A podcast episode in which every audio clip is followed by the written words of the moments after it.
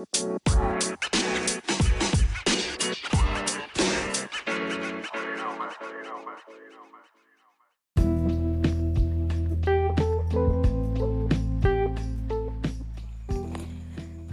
selamat datang di podcast Ngalor Ngidul episode 1 season 1 bersama dengan aku, Kiki.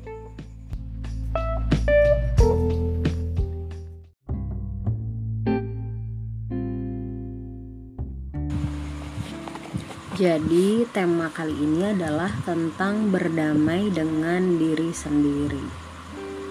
Sebenarnya ngomongin berdamai dengan diri sendiri ini mungkin nggak akan habis ya satu episode dan bakal terus berlanjut gitu meskipun kamu ngerasa kamu udah berdamai dengan dirimu yang sekarang ketika besok prosesnya berulang lagi dengan ujian kehidupan yang beda lagi oke okay.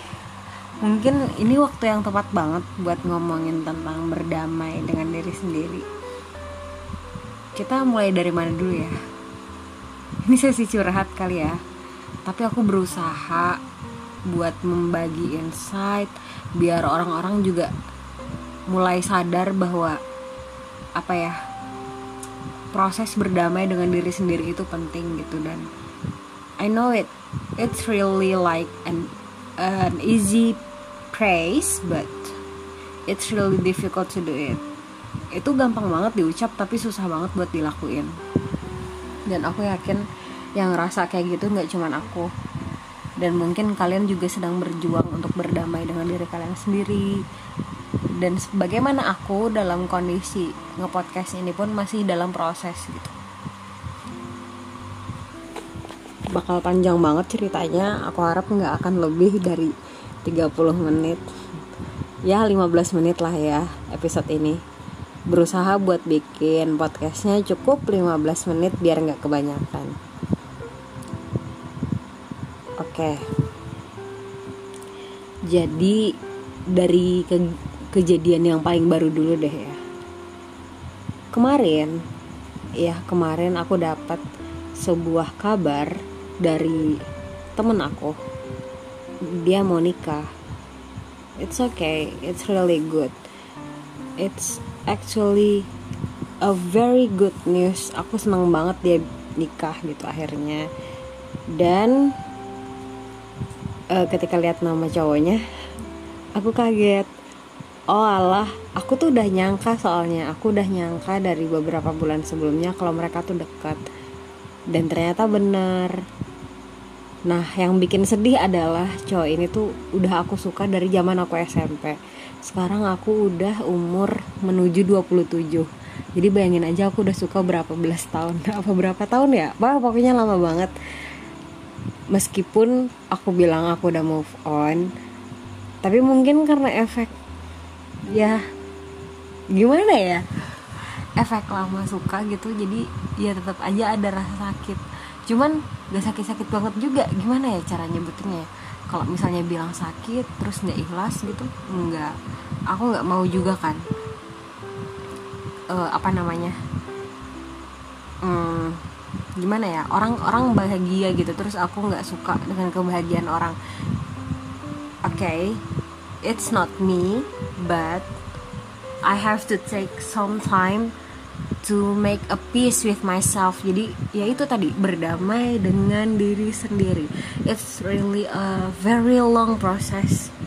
Aku baru aja ngerasa aku udah berdamai eh ternyata dapat kabar ini gitu. Jadi kayak i anjir lu tuh ngerasa lu udah berdamai lu udah level ini baru dikasih kabar begini kamu udah uh, apa namanya kalah gitu kalah ya mungkin gak masalah ya yang namanya manusia kan berproses. Jadi nggak langsung gitu nggak langsung bisa mencerna dengan semuanya. Kalau bisa langsung semuanya anak-anak tuh nggak perlu proses udah langsung pada dewasa semua pasti. Nah itu dia tadi tentang proses ini yang mau aku omongin. Itu berita yang baru-baru aja. Sebenarnya detik aku ngomongin podcast ini aku juga sedang berusaha memproses I'm trying to make a peace with myself by doing this. Sebelumnya ada juga beberapa hal yang uh, mungkin agak lebih buruk dari berita yang tadi. Kalau berita tadi kan sebenarnya berita baik ya karena temen nikah gitu. Yang sebelum sebelumnya itu uh, jadi mulai aja ya dari tahun 2017 aku tuh udah punya plan A B C. Punya plan A, plan B, plan C. Ketiga-tiganya itu udah kayak perfect banget. Di sebuku aku catat di dinding aku tempel. Intinya tahun 2017 itu bener-bener tahun ambis aku.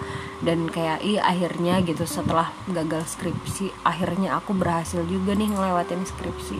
Saatnya ambis menuju karir dan masa depan yang lebih baik bisa bermanfaat buat orang tua bisa bermanfaat buat keluarga gitu kan.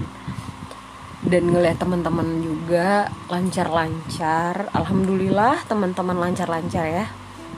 Jadi waktu itu aku e, punya beberapa teman baru.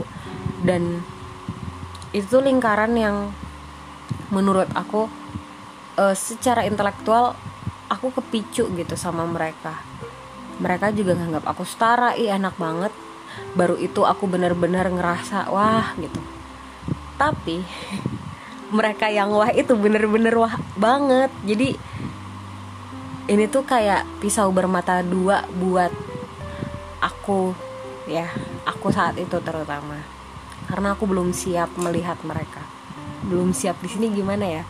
Jadi kan eh, satu teman aku kerja di L'Oreal yang satu lagi kerja di Pertamina.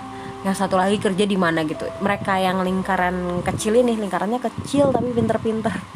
Nah aku aku kebetulan ada di situ juga karena ada uh, sangkut sedikit. Secara lang bukan secara langsung.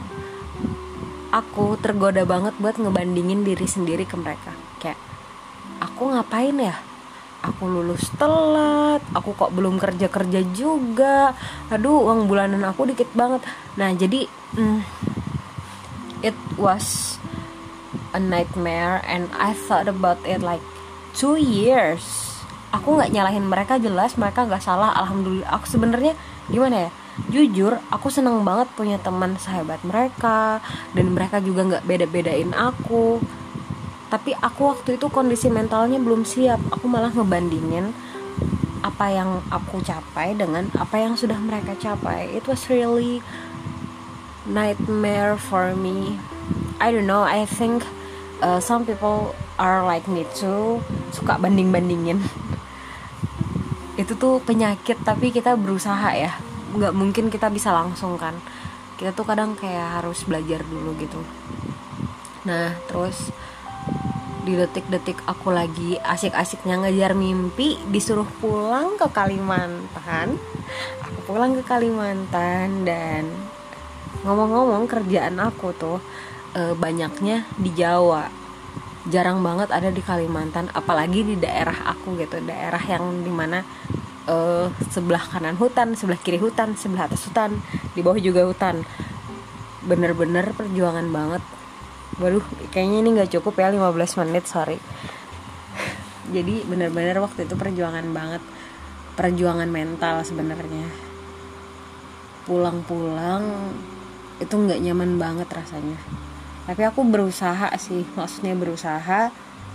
Aku berusaha biar nggak terlihat serapuh itu terus orang tua ngajakin buat uh, ngajar TPA ya udah aku ngajar TPA ngajar Al-Quran di dekat di masjid dekat rumah.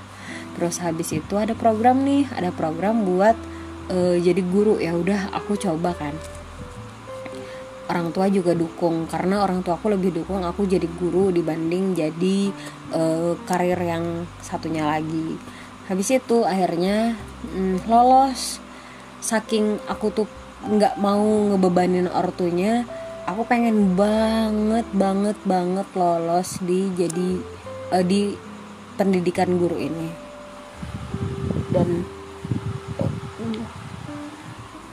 dan alhamdulillah lulus. Waktu itu uh, aku dites dites ilmu pengetahuan sama dites psikologi juga sama kejiwaan sama uh, ahlinya. Terus habis itu si psikiaternya bilang di tes ini kamu ada kecenderungan kecemasan. Gimana rasanya atau gimana pendapat kamu kalau misalnya kamu nggak dapat uh, tes ini?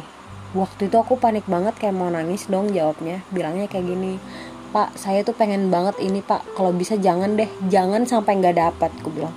Dan itu tuh geter-geter. Si bapaknya ngeliat aku oh ya udah. Dan akhirnya aku tetap dilolosin kan meskipun ada kecenderungan itu. Aku waktu itu mikirnya kayak ya udah sih gitu. Yang penting lolos yang penting aku secara kejiwaan nggak ada gangguan. Ah cuma gini doang. Aku mikirnya kayak gitu awal-awal. Terus habis itu aku tes. Aku tes tuh dalam keadaan ngantuk. Sebelumnya sebelum itu aku tes dalam keadaan ngantuk. Karena aku malamnya begadang nggak bisa tidur kayak sekarang ya begadang nggak bisa tidur. Begadang nggak bisa tidur uh, terus itu kan pelajaran yang sebenarnya aku nggak ngerti. Tapi aku tuh belajar sebulan sebelum tes. Dan bahkan mau tes pun aku belajar lagi kayak orang gila. Bener kayak orang gila sampai nggak bisa tidur tadi. Dan akhirnya lolos lah. Alhamdulillah. Dan akhirnya aku pergi ke Gorontalo. Oke tahu kan Gorontalo tahun 2018 2019 itu lagi musim-musimnya gempa dan tahun 2018 akhir kalau nggak salah ada tsunami Palu dan itu di di Gorontalo kerasa banget. Dan ternyata kecemasan aku tuh ngaruh banget di situ. Setelah gempa kan kerasa tuh. Aku tuh langsung lihat ke arah laut ke arah pantai. Kira-kira ada nggak ya itu eh, apa namanya air laut pasang gitu? Alhamdulillah nggak ada. Dan ternyata waktu itu banyak banget teman-teman aku yang keluarganya nggak bisa dihubungin. Kita seharian nangis. Seharian nangis semua orang di kelas nangis. Dan uh, itu juga nggak enak banget. Dan itu kayak bener-bener nge, nge berbekas banget si gempa itu sampai setiap kali gempa aku tuh panik kayak orang gila. Dan kadang nggak gempa loh nggak gempa tapi aku kalau pusing-pusing dikit ngerasa goyang aku lihat air di dalam galon atau di dalam botol aku lihat airnya goyang nggak ya goyang nggak ya? Kadang perasaan tuh gempa gitu padahal enggak.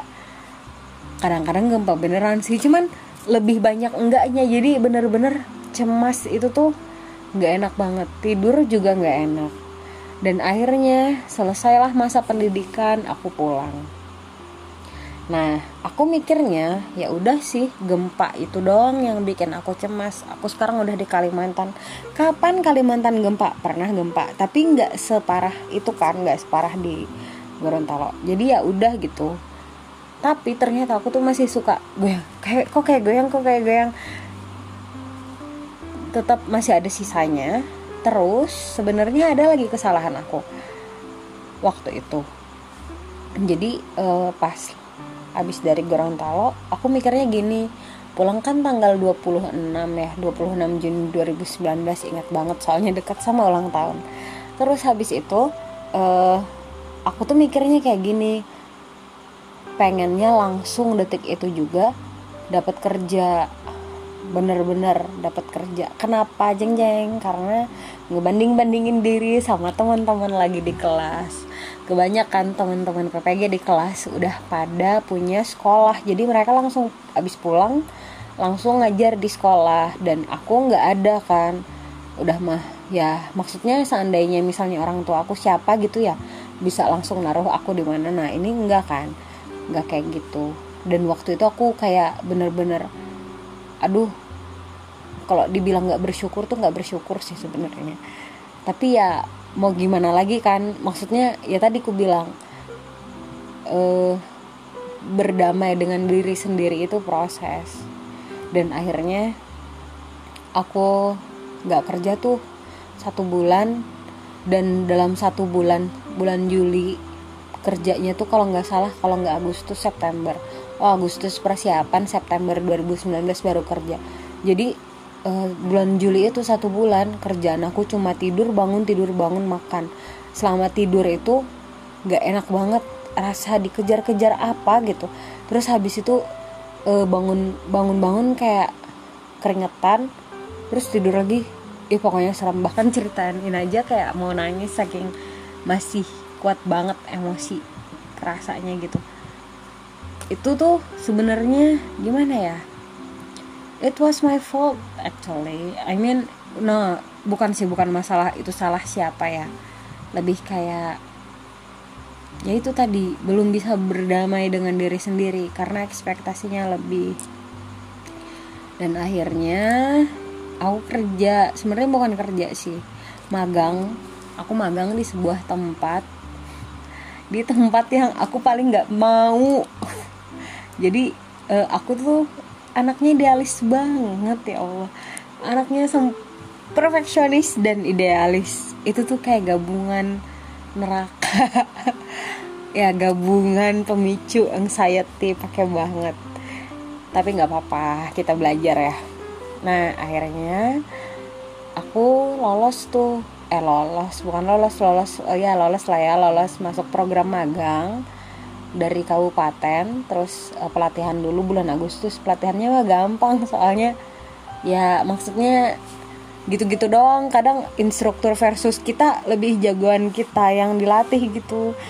Saking B ajanya. Emang pelatihannya itu kayak dihususinnya buat orang-orang yang lulus SMA tapi kita kan udah apalagi kuliahnya di tempat yang selalu ketemu komputer gitu. Dan udah sering banget ketemu komputer selama PPL jadi nggak kaget. Makanya gampang aja pelatihannya. Terus kerja dan kerjanya itu waktu itu di salah satu perusahaan tambang di kota ini. Bagus sih maksudnya baik-baik aja sih kerjanya meskipun bukan kesukaan aku ya. Tapi ya nggak masalah sih. Aku sama bapak-bapak di sana baik-baik aja terus habis itu bapak-bapaknya baik-baik kalau lihat aku suka ngajak makan siang ke mana-mana gitu makan siangnya. Jadi aku mah seneng-seneng aja waktu itu. Meskipun ada beberapa masalah ya tapi udah sih. Tapi gara-gara ada masalah-masalah itu yang aku bikin nggak gak suka aja gitu. Kalau bisa kerja jangan yang sama bapak-bapak banyak lah gitu. Kalaupun ada bapak-bapaknya eh, yang normal lah sedikit. Soalnya waktu itu ada bapak-bapak yang suka narik-narik kerudung aku. Jadi kayak bikin shock aja sih. Terus aku pulang eh pulang. Kan udah selesai. Cuma enam bulan kan magangnya nah akhirnya aku nganggur lagi tuh. Nganggur lagi dari bulan Januari.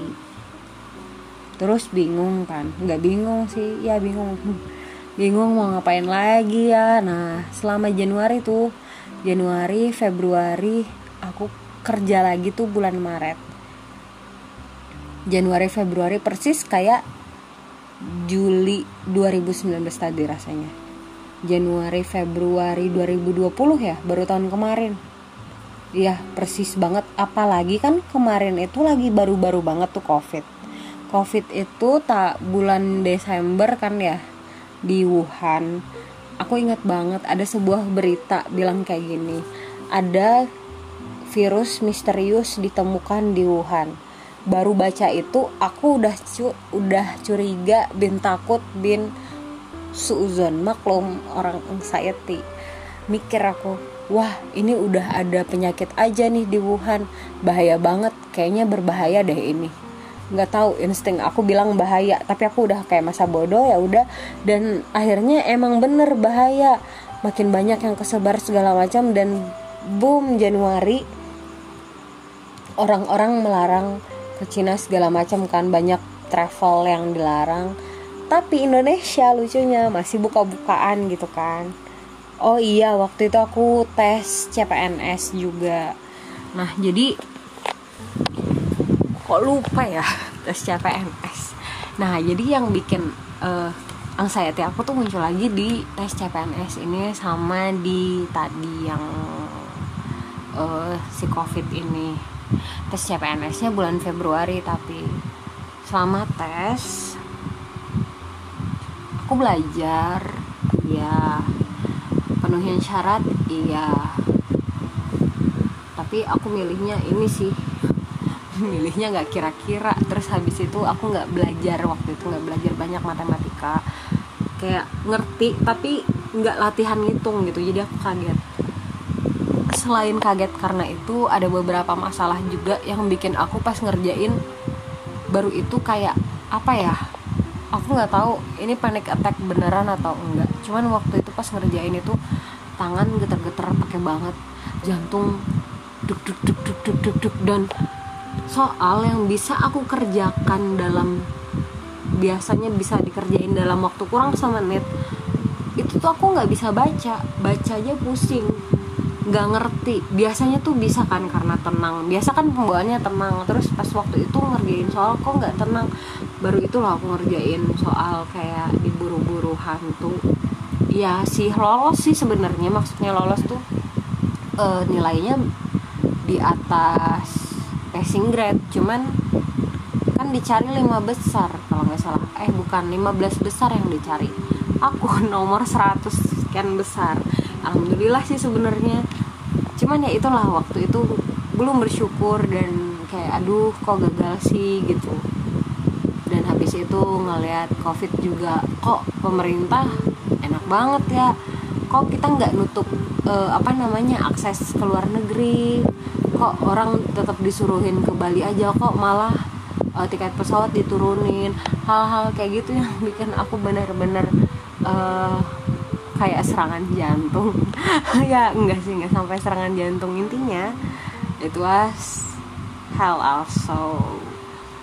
Dan akhirnya aku setelah itu dapatlah sekolah ngajar mulai bulan Maret apa Mei ya? Ya intinya itu. Aku lupa mulai bulan kapannya. Oh iya bener bener bener ngajarnya tuh kayaknya bulan Mei. Tapi April Maret itu tuh uh, sama kayak Januari Februari tadi. Kalau tidur tuh rasanya nggak nyaman banget. Sama kayak bulan Juli tadi. Dan akhirnya kupikir kupikir ya tadinya. Kalau aku dapat kerjaan tidur nggak jelas kayak gitu tuh bakal selesai. Permasalahan anxiety aku tuh karena aku nggak kerja. Jadi kalau aku kerja tuh pasti selesai. Aku mikirnya kayak gitu. Ternyata tidak saudara-saudara karena setelah aku kerja itu tuh kayak di luar ekspektasi aja gitu kerjaannya. Aku udah terbiasa kerja hmm, ketemu anak-anak terbiasa ketemu kolega-kolega yang sama-sama suka anak-anak bukan kolega ya teman-teman yang sama-sama suka anak-anak. Terus habis itu ngeladenin remaja bisa anak-anak bisa tadinya. Dan di sekolah itu kok aku nggak bisa ya bukan nggak bisa sih sebenarnya. Ke anak-anaknya tuh nggak masalah tapi guru-gurunya guru-guru lain itu kayak nggak ngewaro aku sama sekali. Aku tuh sampai nangis di WC di hari pertama. Aduh it was really hell. Also so uh, awal-awal bener-bener nggak enak dan aku digituin kayak sebulan. Terus habis itu mendadak disuruh bikin RPP udah aku bikin RPP buat bulan Juli masuk bulan Juli sekolah-sekolah sekolah dan uh, selama beberapa bulan di sekolah. Aku di sekolah nggak lama sih dan waktu itu kan udah keburu covid juga. Jadi kayak banyakan di rumahnya gitu. Tapi kayak pertama waktu itu aku belum bisa disiplin. Karena ya aku kayak nggak punya niatan buat disiplin ketika orang-orang yang aja nggak ngehargain aku gitu loh. Kayak ngapain gue masuk jam 6.15 kalau gue sampai di sana juga apa sih yang bikin gue semangat gitu selain anak-anak? Tapi toh ketemu anak-anaknya juga enggak kan anak-anaknya nggak ada kan lagi covid. Jadi selama di sekolah itu uh, tuntutan banyak setiap hari Sabtu kena marah terus habis itu pagi-pagi ih pokoknya banyak banget hal-hal yang jatuhnya sebenarnya bukan males atau nggak disiplin tapi lebih ke cemas yang tidak terkontrol. Menurut aku. Menurut aku. Ya dan akhirnya waktu itu waktu itu muka aku jerawatan parah banget aku udah pakai segala macam skincare. Waktu itu uang ada tuh beneran uang ada skincare gampang lah beli gitu. Tapi nggak mempan sama sekali udah mah. Kayak akunya tambah gemuk terus jerawat jelek banget intinya. Berminyak segala macem dan akhirnya uh, setelah aku pikir-pikir aku beranikan diri buat resign terus habis itu ternyata resignnya juga nggak gampang tunggu sebulan dulu baru bisa resign dan akhirnya bener-bener bisa resign dan setelah resign aku mengevaluasi diri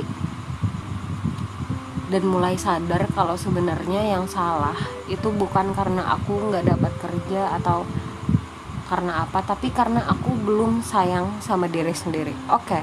Kesimpulannya didapat setelah 24 menit cerita. Mantap ya ada yang dengerin gak ya? Aku nggak tahu buat kalian yang sedang ada di masa-masa sulit seperti tadi atau bahkan mungkin lebih sulit aku yakin kita tuh bisa ngelewatinnya. Cuman mungkin ya itu tadi penuh proses.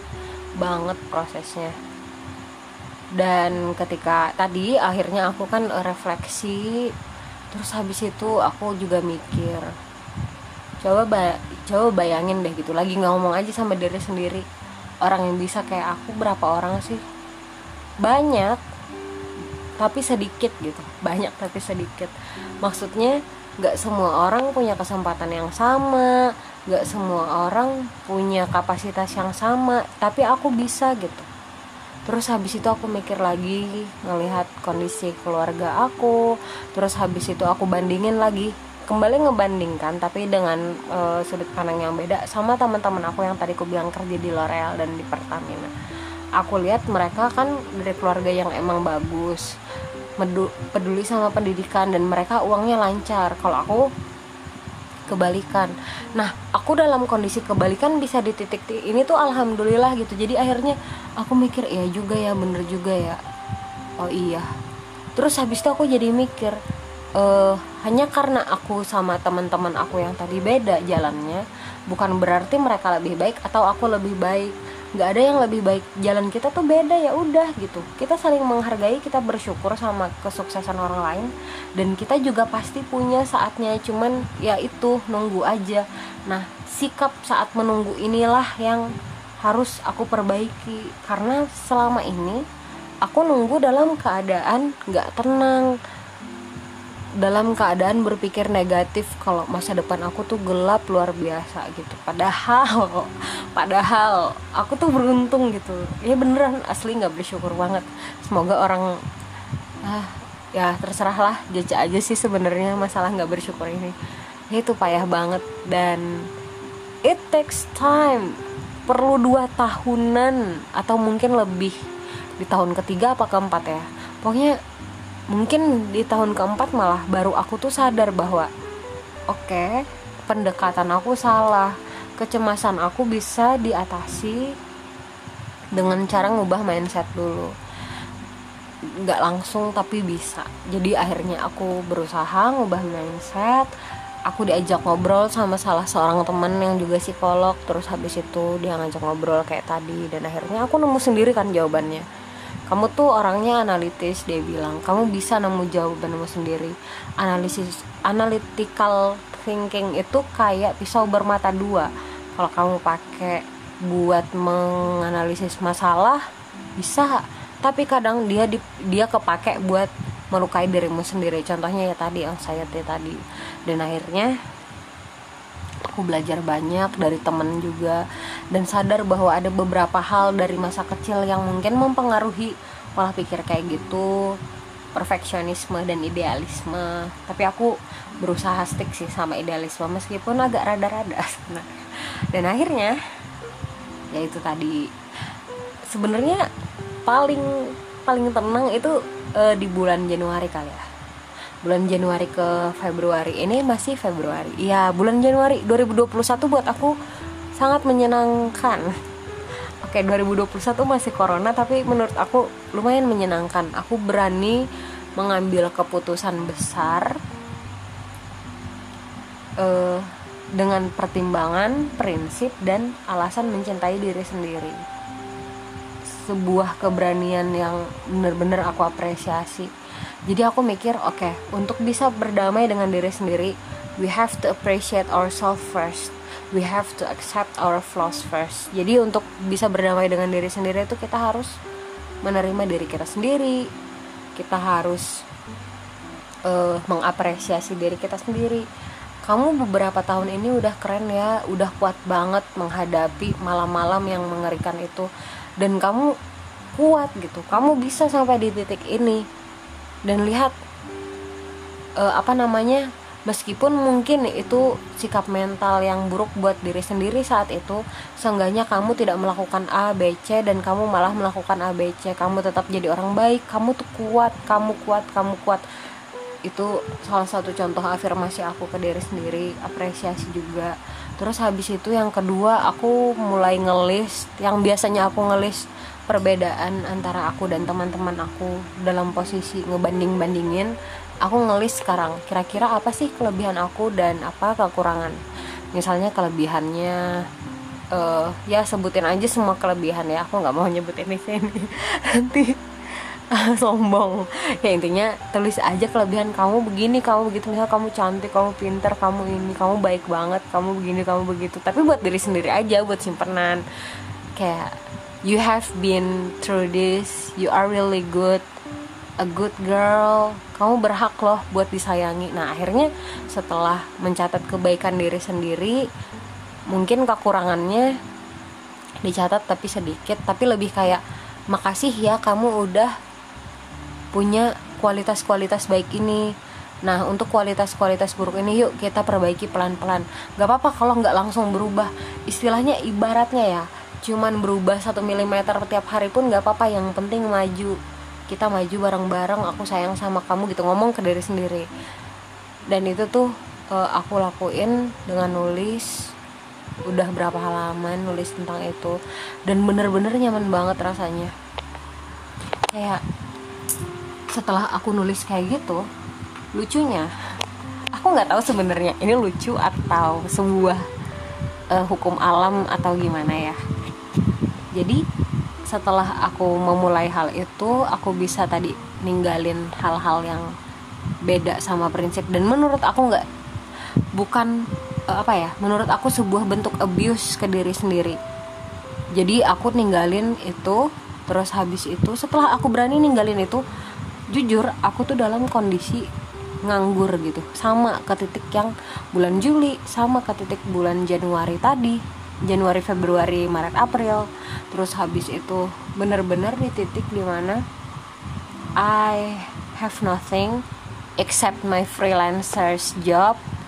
Aku nggak punya apa-apa kecuali kerjaan freelanceku. Dan kerjaan freelance aku itu emang udah aku punya sejak uh, bulan bukan bulan sejak tahun 2016 jadi yang tadi kondisinya 2000 uh, yang stres-stres tadi itu sebenarnya aku posisinya freelance cuman mungkin karena ngerasa nggak dapat bulanan jadi ya gitulah stres.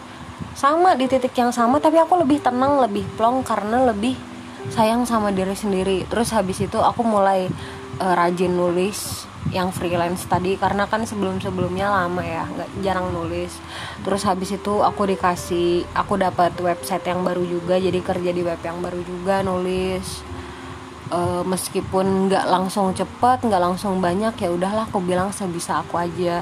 Terus aku ngurang-ngurangin main HP jadi kayak oh selama ini aku ketergantungan HP sama main game mulu. Kalau lagi suntuk lagi stres aku main game. Itu tidak menyelesaikan masalah. Terus habis itu aku juga nonton anime kebanyakan sekali duduk bisa dua season. Jadi aku harus jadi aku uh, ngevaluasi diri sendiri gitu gimana caranya aku bisa ngakalin tapi tetap dalam batas yang wajar. Mungkin wajarnya aku tuh sebenarnya masih malas dalam kategori orang lain tapi masa bodoh yang penting ke diri sendiri dulu kan sayang.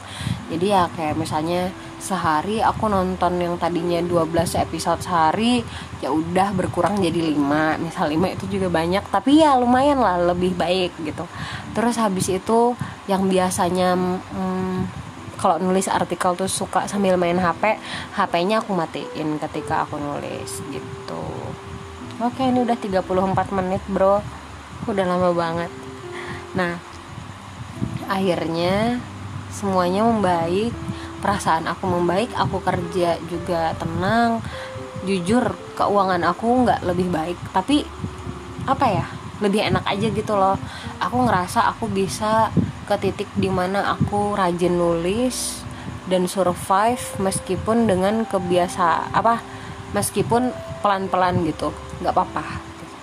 Dan akhirnya bener eh bener. Gimana ya? Nggak lama nggak lama baru berapa hari aku ngelakuin hal itu.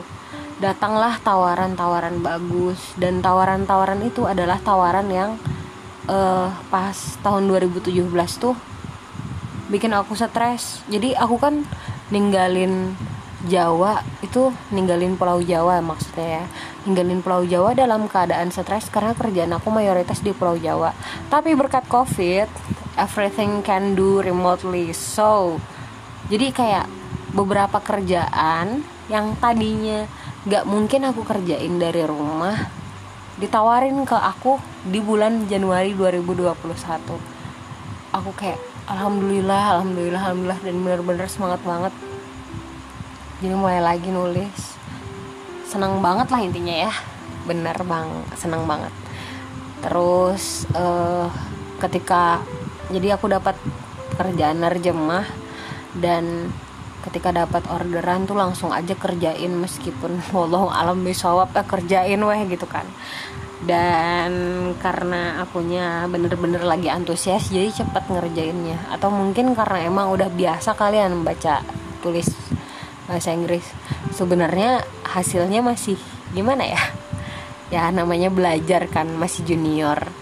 Aku nggak mau lagi ngebanding bandingin sama orang lain misalnya ya kalau ngebandingin mah gampang misal nih contoh. Ini contoh overthinking. Tapi nyanyian aku juga lagi overthinking nih.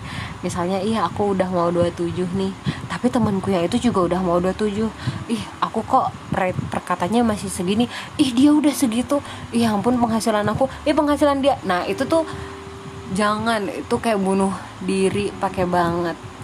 Kalau kita pikir-pikir kalau kita kayak gitu kita tuh nggak sayang sama diri sendiri gitu dan ketika kita nggak sayang sama diri sendiri itu artinya kita nggak sayang sama orang yang sayang sama kita.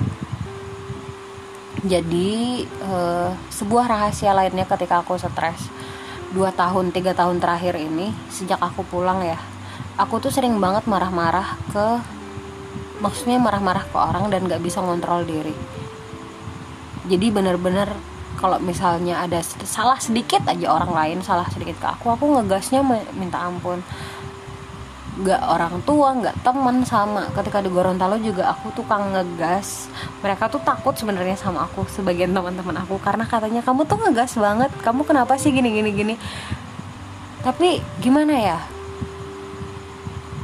Itu tuh sebenarnya mungkin kemarahannya bukan buat mereka aslinya. Esensinya itu kemarahan buat diri sendiri. Aku nggak sayang sama diri aku ketika itu gitu. Lu ngomong itu mau nangis eh. Itulah kayak ketika kamu nggak sayang sama diri sendiri sebenarnya kamu nggak sayang sama orang-orang yang menyayangi kamu termasuk orang tua keluarga gitu. Jadi ketika kita udah sayang sama diri sendiri ngasih waktu ke diri sendiri memaklumi diri sendiri ke orang lain tuh jadi lebih enak. Karena kita kayak bisa memposisikan diri di orang itu dan kita juga lebih sabar aja gitu karena kita ngerasa cukup. Kita nggak ngerasa kurang kita nggak ngerasa protes. Itu. And it is a process bukan result. Jadi proses jadi berdamai dengan diri sendiri adalah proses. Proses itu kata kerja kan di mana berarti proses berdamai dengan diri sendirinya ini mungkin udah dimulai dari kapan tahun tapi uh, hasilnya tuh baru kelihatan sekarang. Jujur ketika aku marah-marah banyak ke orang-orang tadi ketika aku yang tidur nggak nyaman bangun tengah malam terus habis itu rasa dikejar-kejar aku tuh sering banget baca-baca artikel psikologi terus habis itu uh, ikut lihat-lihat apa ya lihat-lihat uh, konten-konten psikologi lihat-lihat tips yang bikin aku berasa lebih baik. Tapi itu nggak sesimpel itu. Bener-bener susah banget untuk prakteknya. Makanya tadi aku bilang berdamai dengan diri sendiri itu gampang diucap tapi susah banget buat dilakuin. Karena udah ba udah ngerasain sendiri berapa tahun. Ya berapa tahun. Dan ketika aku baru aja baru banget kan dua hari yang lalu aku baru berpikir bahwa oke okay, aku ngerasa aku di titik yang tepat nih enak banget ya gitu jeng jeng aku dapat ujian mm, nggak mm, dianggap teman sama temanku sendiri di grup. Aku sempat marah nangis dulu dan itu pemikiran aku gelap banget. Ketika di kamar mandi aku mikir apa jangan-jangan gue sekarang gendut gue sekarang jelek gue nggak berharga lagi buat jadi temennya? Ih aku emang nggak berharga lagi ya gini-gini. Ih bener itu pemikiran paling seram tapi ketika aku udah punya titik terang oh iya sebenarnya aku harusnya bersyukur. Teman aku bukan cuma dia teman aku banyak loh gitu. Akhirnya oh iya bener juga ya. Jadi kayak enak aja gitu. Ada banyak orang loh yang peduli sama kamu ki. Gini gini gini gini gini. Oh iya bener-bener ngomong ke diri sendiri aja terus. Oh akhirnya uh, ketemu solusinya udah tenang lagi. Dan waktu itu aku mikir ya udah sih dia kayak gitu. Maksudnya aku kan nggak bisa ngontrol dia buat menganggap aku teman dan memperlakukan aku sebagai temannya kan. Tapi aku bisa mengontrol apa yang ada di dalam pikiranku dan tindakan aku juga. Karena aku nggak suka dia gituin aku nggak akan ngegituin dia. Tapi tapi aku bisa mengontrol isi pikiranku dengan memprioritaskan hal-hal lain yang selain itu. Jadi ketika emosinya udah keluar keluarnya tapi nggak di mana-mana ya ngeluarnya di buku harian. Dan akhirnya alhamdulillah ah lega gitu. Banget. Ketika udah ngerasa lega wah aku bisa ya gitu kan. E, apa namanya? Bisa ya lulus ujian ini. Ujian kehidupan. Eh ceng ceng nggak lama masuklah itu undangan. Kecengan. Terus aku nangis dulu. Aku pikir eh, ya udahlah nangis bentar. Eh ternyata masuk lagi uh, chat dari cowoknya. Aku tuh lupa ternyata tahun lalu kayaknya cowoknya agak-agak ngedeketin aku gitu tapi aku tuh lupa asli. Baru sadar ketika teman aku tadi nanya eh bukannya dia kemarin sempat ya caper sama kamu? Hah? Gue bilang dia pernah ya saking aku lupanya. Cuman ya gimana ya aku ingat banget dulu zaman SMP di sujud terakhir namanya tuh aku sebut terus gila. Bahkan sampai SMA bahkan sampai kuliah kadang-kadang kalau aku lagi nggak ngecengin cowok-cowok lain atau lagi nggak kepikiran aku ngedoain dia juga berusaha buat damai aja sih sama dia karena dia kayak nggak nganggap aku temen gitu waktu itu. Jadi ya intinya drama ya. Dan akhirnya dia nikah terus aku kayak eh, nangis. Tapi aku bahagia juga sebenarnya. Meskipun kayak apa ya temenku bilang ih nggak nyangka kok mereka yang jadi. Cuman ya itulah jodoh rahasia kehidupan. Dan oke okay, it's really interesting. Dan lucunya oke okay, kalau ceweknya aku emang sempat dekat. Ceweknya emang pernah main sama aku kan lucunya si cowoknya ini. Si cowoknya ini ngechat aku bukan ngechat aku sih ngechat teman. Mastiin benar-benar berusaha memastikan kalau aku udah tahu dia nikah. Astagfirullah ini cowok. Aku kesel banget baca. Gimana ya? Bukan kesel sih. Aku nggak tahu cara me, ya mungkin kesel lah ya. Harus dilabeli soalnya emosi ini. Kesel banget pas baca dia bilang gini si X bilang X aja si X pengen banget ki kamu datang ke nikah ah, bukan.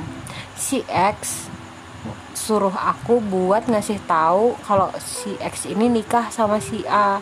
Pokoknya undangan ini harus sampai ke kamu. Iya iya aku bilang gitu kan. Udah udah sampai aku bilang.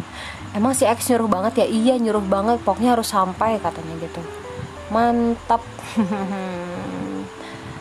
Mungkin dia pengen menyudahi entahlah. Terus aku ditanya tadi kamu mau kondangan si X nggak sama si A. Terus aku kayak mikir sanggup nggak ya? Aku nggak mendadak nangis gitu keluar air mata sendiri di kondangan. Kalau nggak sanggup kayaknya mending jangan deh ngerusak kebahagiaan orang. Di satu sisi aku bener-bener berharap mereka langgeng banget. Mungkin aku cuman perlu waktu buat e, berdamai sama diri sendiri aja dan jujur aku yakin yakin 100% Allah tuh udah siapin buat aku. Cuman ya belum aja. Dan aku juga antara pengen cepet sama antara nggak pengen cepet. Gimana ya? Tadi kan tadi kan aku udah cerita sekitar 40 menitan. Atau 38 menitan. Kalau aku dari tahun 2017 sampai tahun 2020 itu berusaha buat uh, apa namanya mendapatkan karir yang aku inginkan. Dan uh, berusaha buat menenangkan diri sendiri. Jadi kayak sekarang kan lagi tenang. Sekarang tuh karirnya baru dari titik nol ya. Baru dari titik start. Aku tuh baru mulai gitu. Jadi kalau buat nikah segala macem kalau misalnya nikahnya malah uh, apa ya? Kayak ngerubah arus yang sudah menurut aku ada di jalan yang aku inginkan tadi. Takutnya aku nanti balik lagi. Kayak pengen selesai dulu sama diri sendiri. Sekarang aku lagi tenang nih tolong uh, paling enggak aku bernapas dulu lah ya sekitar enam bulanan baru kepikiran kayak gitu. Karena emang lagi itulah dia aku bilang. Lagi apa namanya berusaha kecuali emang cowoknya bener-bener ngertiin aku pengen kayak gimana terus kasih kesempatan buat ngejar karir dulu. Sebentar aja kok enam bulan setahun barulah mungkin aku kepikiran. Tapi tidak emang nggak ada yang deket juga jadi bingung. Tapi nggak apa-apa sih. Oke. Okay. awal-awal sebenarnya rasanya nggak enak tadi ya gara-gara si undangan itu. Cuman sekarang ketika udah ngobrol semuanya 46 menit. Everything is really really apa ya lepas. Semuanya tuh lepas gitu. Mohon maaf buat pendengar yang jadi uh, bak sampah. I mean uh, semua orang tuh pasti punya prosesnya masing-masing. Aku yakin mungkin kalian prosesnya lebih parah atau mungkin lebih B aja dan sebenarnya nggak ada sih yang lebih parah atau lebih B aja karena apa ya semua orang tuh istimewa pada keistimewaannya masing-masing. Yang kamu jalani adalah jalanmu dan aku yakin kamu kuat. Sekarang kita berproses bareng-bareng. Gitu yang penting kita sadar aja sih oh aku kesalahannya di sini. Tapi dengan menyadari itu kita nggak nyalahin diri sendiri. Tapi itu tadi nggak apa-apa kok aku salah di sini. Yuk kita sama-sama gitu. Jadi kayak ngobrol diri sendiri tuh kayak kamu ngobrol sama kecengan kamu kayak kamu ngobrol sama sahabat kamu. Biasanya kalau aku tuh tipikal yang ke orang tuh kadang baik banget ke diri sendiri agak jahat. Uh, tapi tiga tahun belakangan aku ke diri sendiri jahat banget ke orang lain juga jahat. Nah aku pengen ngerubah ke diri sendiri itu kayak aku memperlakukan keluarga. Aku kan ngutamain mereka banget ya gitu deh. Kayak aku ngutamain kecengan biasanya kalau kecengan bilang ki besok bisa ketemu nggak? Besok yang sebenarnya uh, waktunya mepet banget dipaksain ketemu. Nah aku pengen aku kayak gitu juga ke diri sendiri gitu. Pengen apa diri sendirinya? Pengen kecepatannya secepat siput juga nggak apa-apa. Yang penting diri sendirinya nyaman enak gitu. And I hope I wish you do the same thing to yourself. Love yourself. Hug yourself. Sekecil apa pun itu meskipun misalnya cuman luluran sekali seminggu it's okay really? Gitu deh pemikiran pemikiran. Gitulah overthinking aku kali ini tentang berdamai dengan diri sendiri. Semoga menikmati semoga nangkap juga. Semoga bermanfaat yang pasti. Aku nggak mau buang sampah tapi malah bikin orang insecure enggak.